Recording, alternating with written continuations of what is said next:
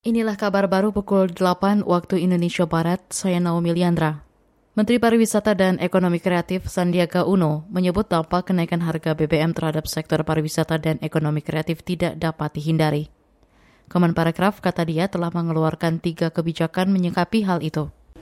Nah, Kemenparekraf mengeluarkan tiga kebijakan. Pertama, bantuan bimbingan teknis dan pendampingan agar pelaku usaha pariwisata dan ekonomi kreatif di level kecil dan mikro bisa mengelola pembiayaannya, mengelola biaya operasionalnya lebih baik. Menparakraf Sandiaga Uno menambahkan dua kebijakan lainnya adalah mendorong wisata minat khusus yang berpotensi mengurangi konsumsi BBM, seperti sport tourism.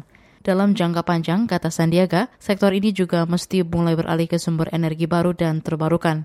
Tiga kebijakan itu diharapkan membantu sektor wisata, terutama pariwisata domestik maupun produk ekonomi kreatif menyikapi naiknya harga BBM.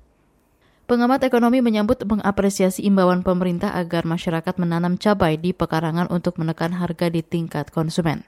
Meski begitu, menurut Direktur Eksekutif Institute Door Development of Economic and Finance Indef, Tauhid Ahmad, gerakan menanam cabai tidak efektif menekan inflasi, sebab kebutuhan cabai di tanah air terlalu tinggi meliputi kebutuhan rumah tangga dan korporasi. Berkaitan dengan ya diberikan subsidi untuk uh, misalnya mengurangi beban angkutan ya di daerah-daerah produsen cabai ke daerah uh, konsumen gitu.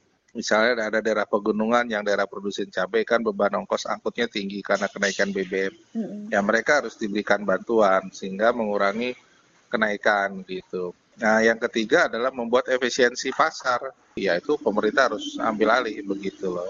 Direktur Eksekutif Institute for Development of Economic and Finance Indef Tauhid Ahmad. Sementara itu pengamat pertanian Dwi Andreas meminta pemerintah membantu petani cabai menjaga produktivitas cabai di tengah musim hujan. Bantuan bisa berupa pembangunan rumah plastik agar tanaman cabai lebih tahan di musim penghujan. Dalam catatannya, pemerintah pernah membagikan 10 juta benih cabai kepada masyarakat, namun tidak efektif menekan kenaikan harga pada 2019 lalu.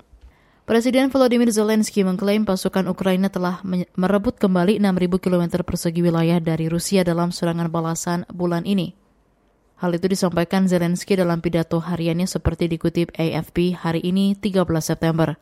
Ukraina juga mengklaim berhasil mengalahkan pasukan Rusia yang menduduki wilayah selatan dan timur negara itu, termasuk di kota Izium, Kupiansk, dan Balkia. Lembaga think tank Institute for the Study of War yang berbasis di Amerika Serikat menyatakan Ukraina telah membalikan keadaan namun serangan balasan tidak akan mengakhiri perang. Saudara, serangan Rusia ke Ukraina berlangsung sejak 24 Februari lalu. Hingga kini perang kedua negara belum berakhir. Saudara, demikian kabar baru KBR. Saya Naomi Liandra undur diri.